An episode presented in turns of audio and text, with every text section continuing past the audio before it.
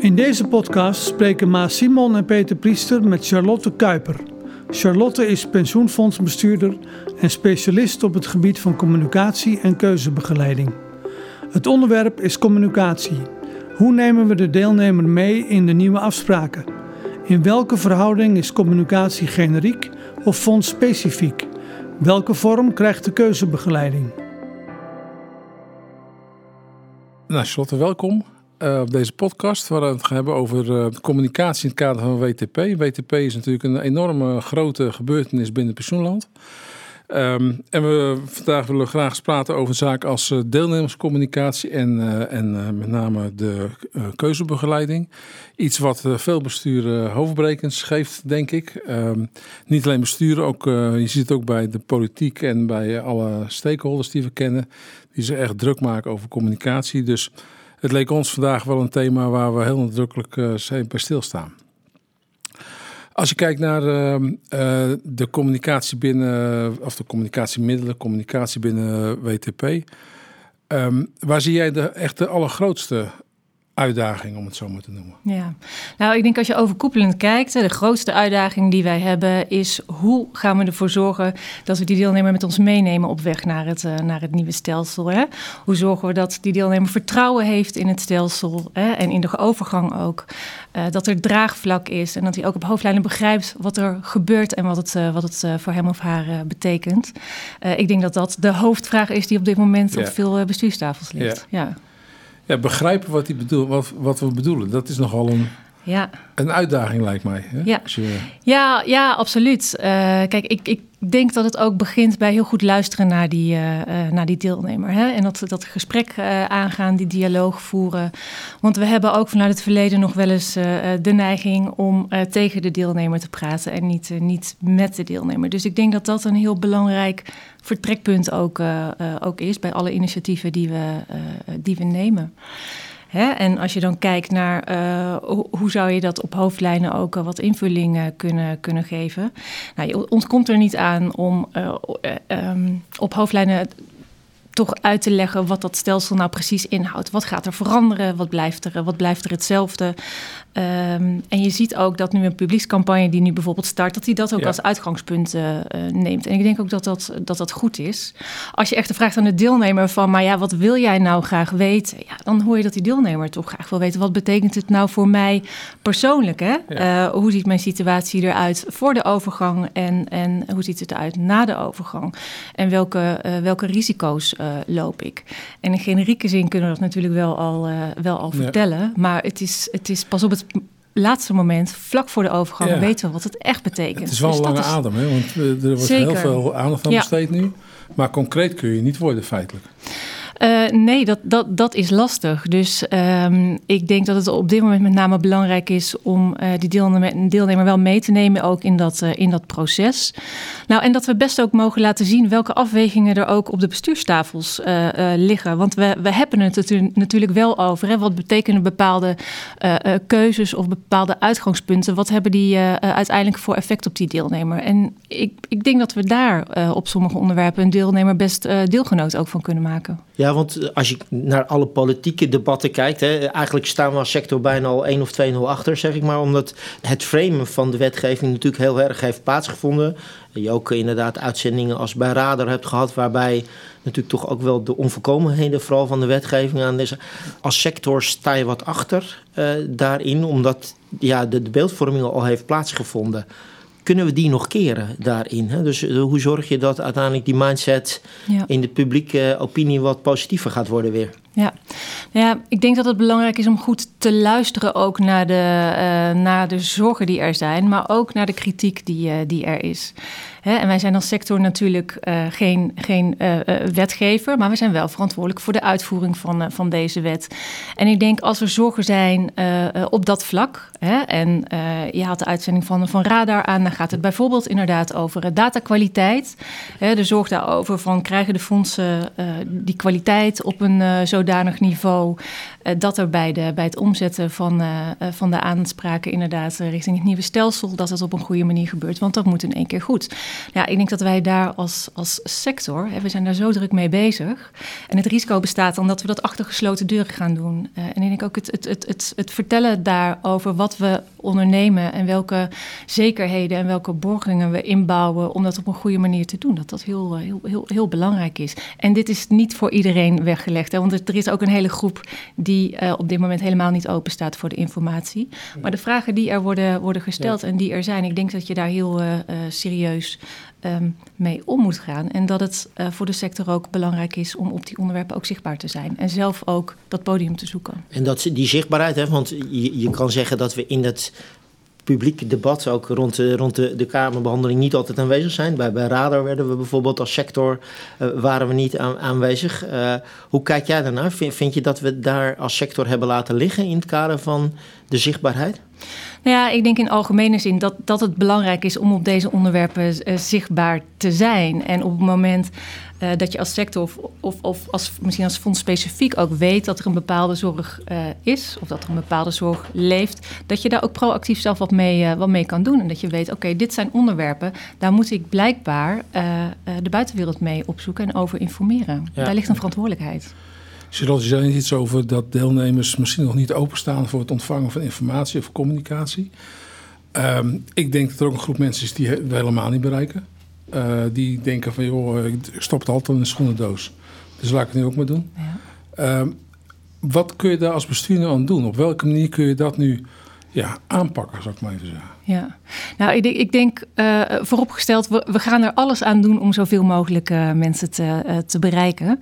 Maar we moeten ook reëel zijn. En we weten dat de interesse ook voor, voor pensioenen beperkt is. Eh, dus we moeten goed nadenken over hoe gaan we met, de, met om met de groep die we, eh, die we waarschijnlijk niet uh, gaan bereiken. En dat zal per fonds verschillen, ook hoe groot die groep is, hoe groot de, de, de interesse is. Ja, maar voor de groep waarvan je al weet, nou die ga, ik, die ga ik waarschijnlijk niet bereiken of dat wordt heel lastig, is het wel goed om ook als bestuur om na te denken welke um, uh, waarborgen gaan we inbouwen om zeg maar grote ongelukken of echt hele vervelende situaties voor die mensen te voorkomen.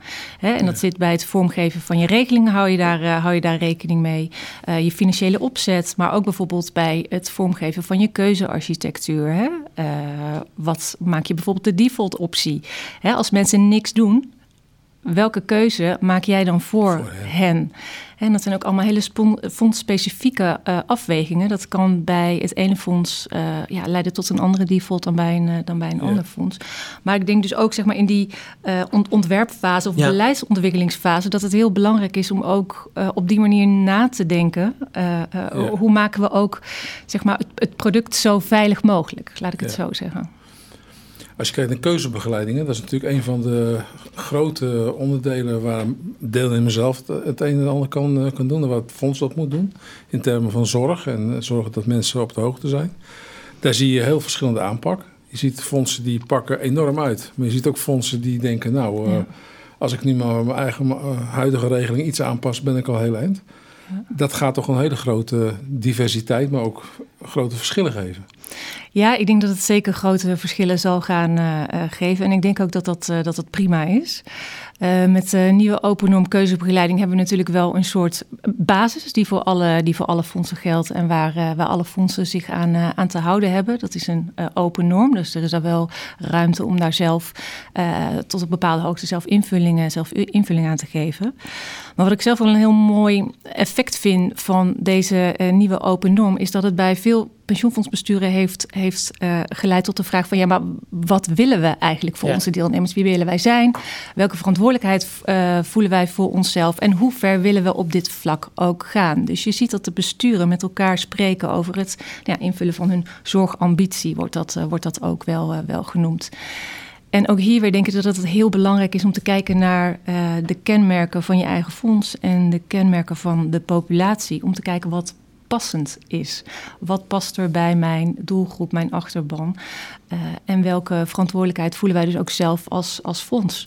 Hè, kun je die achterban altijd helemaal vangen? Hè? Want het, uiteindelijk kun je dan wel constateren dat uh, fondsen misschien heel verschillend naar hun deelnemers daarmee omgaan. Hè, mhm. vanuit hun beeld van, van wat de achterban van belang vindt. Ja. Daarmee kan het dus wel een groot verschil maken hoe je gefaciliteerd wordt bij fonds X of bij fonds Y. Ja. Hoe, en je, hoe kijk je daarnaar? Zie je dat dan als een soort marktwerking tussen die pensioenfondsen? Uh, uh, of, of, kijk je daar, of vind je dat geen probleem? Hè? Want je zegt eigenlijk, ik hoor jou zeggen nou ja, elk fonds maakt zijn eigen zorgambitie, vult hij nu in, feitelijk. Ja, ja. ik, zie, ik zie dat niet per se als een, als een probleem. Hè? Want als een, een, een uh, bestuur dit gesprek op een goede manier met elkaar voert en tot een uh, gedragen visie uh, komt, dan, dan is er, als het goed is, gekomen tot een, een invulling van die zorgambitie die ook past bij die achterban. En ik denk dat je vanuit dat perspectief prima kan beargumenteren ook dat er verschillen zijn tussen, uh, tussen fondsen. Hè. Er zijn verschillende variabelen waar je dan naar kan kijken. Uh, hoe, hoe, lang is iemand deelnemer in het fonds? Hoe hoog zijn opgebouwde kapitalen? Um, hoe financieel kwetsbaar is onze, is onze achterban? Nou ja, dat zijn allemaal elementen die meespelen bij het bepalen van hoe ver willen wij uh, op dit vlak uh, gaan. En als je, als je dat wat abstraheert, hè, wat zou jouw ideaal plaatje daarin zijn vanuit nou, gemiddeld fonds. Uh, kun je daar iets over zeggen? Ja, ja ik denk eh, zelf wel dat het belangrijk is om iets breder te kijken uh, dan alleen dat specifieke stuk tweede pijler pensioen. Ik denk dat het heel moeilijk is om een deelnemer. Hè, de wetgever spreekt over het maken van een passende keuze. Daar moet je de deelnemer bij, bij faciliteren. Ik denk dat dat heel moeilijk is als je niet kijkt uh, naar, naar het bredere financiële plaatje. Ja, dan komt de vraag op van hè, hoe en hoe ver moet je dan, moet je dan gaan. Daar kun je op verschillende manieren invulling aan geven. Je kan dat heel beperkt doen door te zeggen van... Hè, hou bij deze keuze ook rekening bij je financiële positie in, in bredere zin.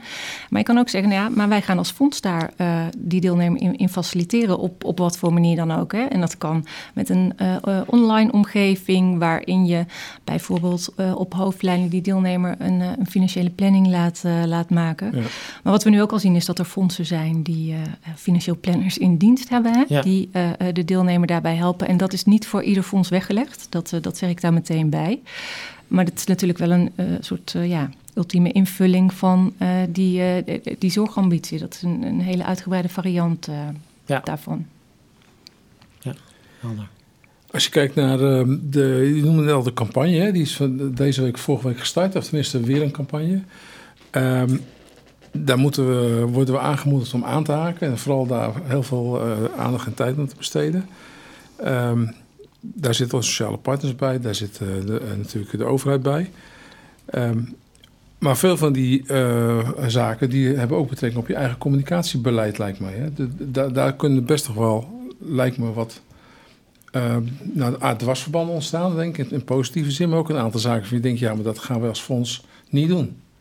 Hoe, hoe, hoe gaan we dat nou plooien, zou ik maar zeggen? Dat is, dat is wel een vraag die, uh, die steeds vaker aan de orde komt. Dat de overheid ook wel heel prominent nu bezig is met projecten, trajecten om te zorgen dat het nieuwe pensioencontract een beetje netjes landt. Ja, ja. Nou ja, kijk, ik vind het aan de ene kant uh, sowieso heel positief dat die campagne er is en dat die ook gezamenlijk met de sector ook tot, tot stand is gekomen. Dus ik denk dat dat een groot goed is. Hè. En wat je daarmee bereikt is dat er een consistente boodschap ook wordt uitgedragen over hè, wat er nou uh, in, in, in de kern gaat, gaat veranderen en wat, wat dat generieke verhaal is. Um, ik denk wel, en volgens mij is de campagne ook op die manier ingericht, uh, dat uh, het zwaartepunt inderdaad in de communicatie begint uh, binnen die campagne. En dat op een gegeven moment het steeds meer aan de fondsen zelf wordt gelaten.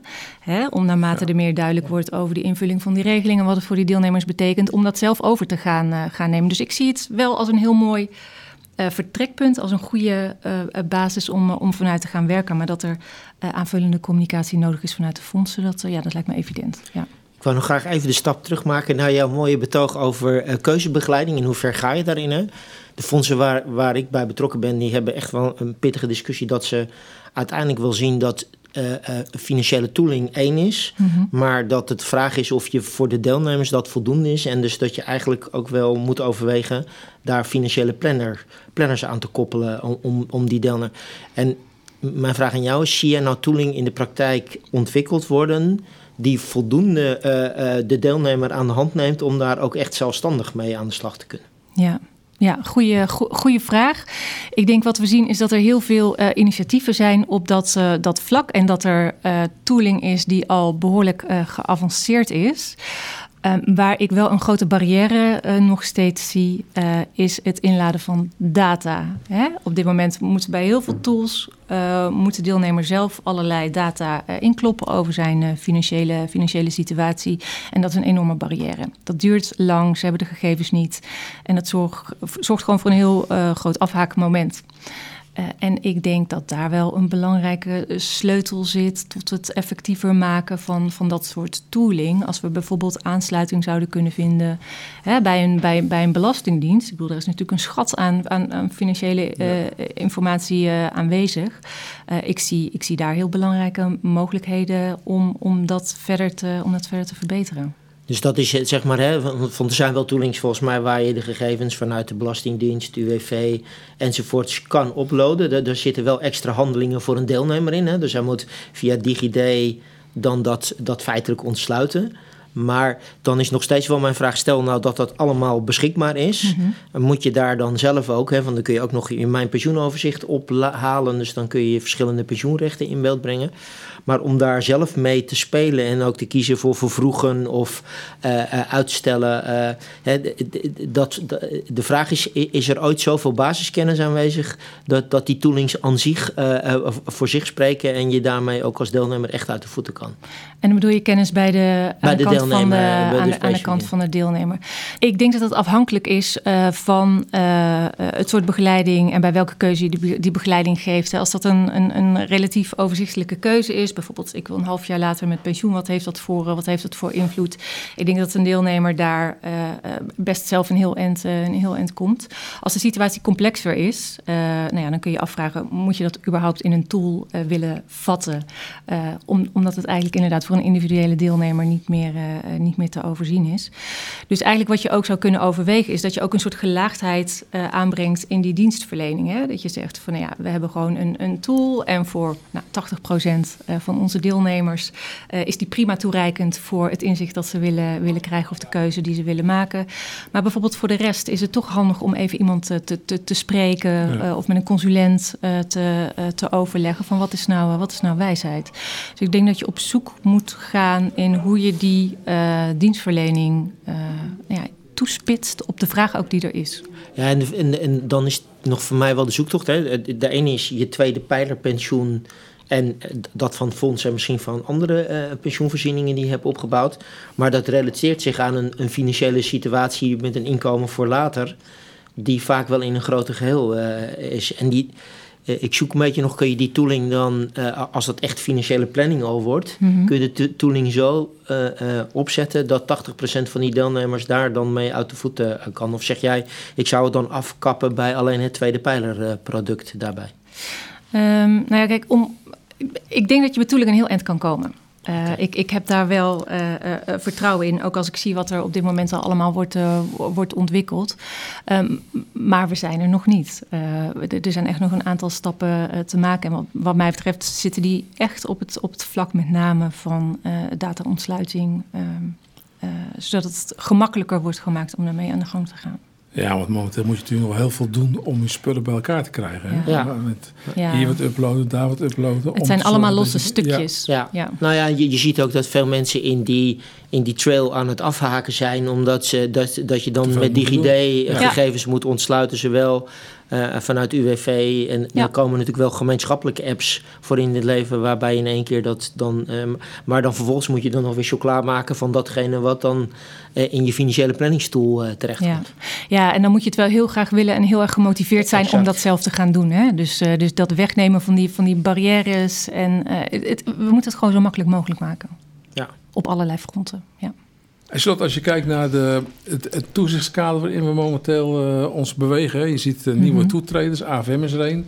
die met een open norm een aantal dingen aan de orde probeert te stellen, waardoor het initiatief vooral bij de fondsen ligt om te zorgen dat je dat goed invult. Toch geeft dat natuurlijk wel een soort van, ehm, nou, druk is niet het goede woord misschien, maar de, het geeft een, nieuw, een nieuwe wereld waarin we ons moeten, onze plek moeten vinden. Hoe kijk jij daar tegenaan? Je, bent, uh, je komt notabene vanuit uh, de oude toezichtswereld, ik maar zeggen. um, nou ja, ik, kijk, ik denk het is, een, het is een open norm die volledig nieuw is voor de sector. Hè? En ik, ik ben op zich wel voorstander van, uh, van, van open normen, juist omdat ik denk ook dat de fondsen daar hun eigenheid goed in kwijt kunnen. Tegelijkertijd vind ik het ook waardevol dat de AFM uh, met een leidraad is gekomen. Waarin zij aangeven van nou ja, als je het op die manier doet. Hè, wij denken dat, het, dat dit een goede invulling is. En als je deze manier uh, in ieder geval op hoofdlijnen volgt. Uh, dan weet je als fonds dat, het, nou, dat je op de, op de goede weg zit. En ik vind het wel heel, heel prettig ook dat ze dat, dat, ze dat doen. tegelijkertijd ligt daarmee ook de, nou, de lat ligt best wel hoog. Hè? Ja. veel fondsen deden al wel het een en ander natuurlijk op dit vlak. Op het begeleiden van deelnemers en uh, en het ondersteunen. Um, ja, maar deze, deze norm legt wel een, uh, ja, een, een, een nieuw normaal, wordt er uh, in die zin ook wel uh, gecreëerd. Waar we allemaal wel nog aan moeten, aan moeten wennen ook. En waar we ook mee moeten leren omgaan. en ik denk ook, hè, die, die, die norm die is ingegaan per, per 1 juli. En we hebben daar allemaal op zo goed mogelijke manier invulling aan gegeven. En tegelijkertijd is het ook een leerproces waar we in zitten. Ja. Hè, voor onszelf, maar ook met, met, met elkaar. En ik denk dat het ook belangrijk is dat we de ervaringen met elkaar ook vooral blijven, uh, blijven delen. ik vind het mooi zelf altijd van de, van de pensioensector ook. Ik bedoel, we, we zitten niet in elkaars vaarwater. We kunnen elkaar helpen. Ja. Uh, laten we dat ook vooral doen. En ik vind het ook heel mooi om te zien dat er steeds meer, op steeds meer onderwerpen ook die samenwerking wordt, wordt opgezocht. Al dan niet via een pensioenfederatie bijvoorbeeld. Ja, dat vind ik een hele mooie ja. ontwikkeling. Ja.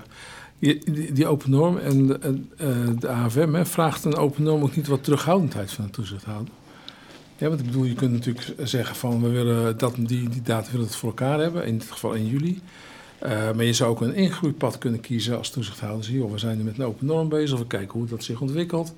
Uh, ja. Hoe besturen daarmee omgaan. Dat is natuurlijk ja. eigenlijk een nieuwe verantwoordelijkheid of een nieuwe werkwijze. Uh, waar vroeger alles gereguleerd was met best practices en, en wet en regelgeving, is het nu meer bedenk het, nou bedenk het zelf is wat kort de bocht, maar er is natuurlijk wel een leidraad gegeven. Maar de reacties zijn natuurlijk ook uh, streng maar rechtvaardig, zou ik bijna zeggen.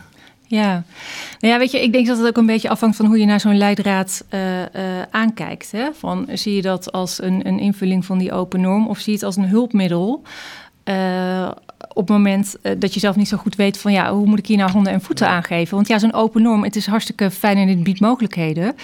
Maar het is ook best lastig om, om te denken van ja, maar wat wordt er dan precies mee uh, bedoeld? En hoe, hoe, hoe, kan ik dat op een goede manier doen? Nou ja, en wat wel, wel uh, uh, fijn is, en dan spreekt toch mijn AFM-hart nog, nog een beetje. kijk, bij de AFM zit ook een hele batterij gedragswetenschappers. Hè? En die hebben daar echt goed naar gekeken van hoe kunnen we dit op een goede manier invulling, invulling geven. Dus ja, ik, ik, ik zou zeggen, doe er je voordeel mee.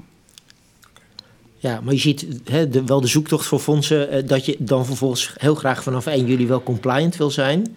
En, en dat je in ieder geval aan de minimumnormen eh, wil hebben ja. voldaan. En, en die inkleuring, wat is dan de minimumnorm waar je aan moet voldoen, is dan nog best een zoektocht, eh, merk ja. ik. Ja, nou ja, en die, kijk, de, de, de invulling die de AFM eraan geeft, dat is een invulling. En zij zeggen dat zelf ook, als, als je deze uh, handelswijze hanteert, dan uh, nou ja, zit je in ieder geval op de lijn die wij ook voor ogen hebben. Wat niet betekent dat er ook andere invullingen mogelijk zijn. Dus ik, ik, ik denk ook dat je zelf ook die ruimte wel kan, uh, kan ja. nemen. Ja. ja. misschien nog een ander aspect. Je gaf terecht aan, hè, fondsen hebben natuurlijk nu ook de ruimte om er beleidsmatig goed over na te denken. Mhm. Mm -hmm. Je ziet aan de andere kant wel dat je vaak in uitvoeringshuizen zit, die dat ook dan vervolgens weer moeten faciliteren. Hoe, zie je die ontwikkeling? Zie je dat gelijk opgaan? Uh, of, of, zie je daar wel discrepantie tussen nou, misschien de beleidsmatige wensen die fondsen hebben en wat uitbestedingshuizen nu kunnen faciliteren? Hoe, hoe kijk je daarnaar?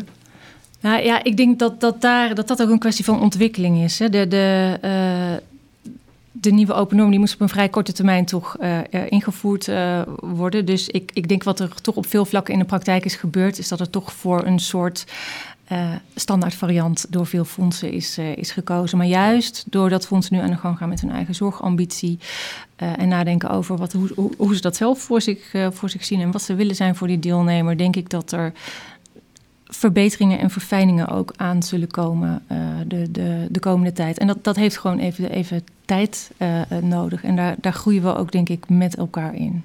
Ja, dus daarmee lopen we gelijk op en zowel de uitvoeringshuizen als de fondsen zullen met elkaar het gesprek aangaan wat, wat, wat haalbaar is uh, daarbij. Ja, dat, dat, dat, denk ik wel. Ik, uh, uh, ik denk dat waar we nu staan, dat dat niet het eindpunt is. Ik denk dat we nog een hele grote ontwikkelslag voor ons hebben. Ja. Ja. ja, waarbij wel moet vaststellen dat die uitvoeringshuizen natuurlijk al heel veel hooi op hun vork hebben, omdat ze ook de, de hele overgang naar het nieuwe stelsel moeten faciliteren. Dus dat daar best wel een spanningsveld zit in uh, of zij daarin gelijk uh, met ons optrekken als het gaat om alles mogelijk te maken rond beleidsontwikkeling. Ja, ab absoluut. En ik denk dat het vooral belangrijk is om daar goed over in gesprek te blijven, ook met je uitvoeringsorganisatie.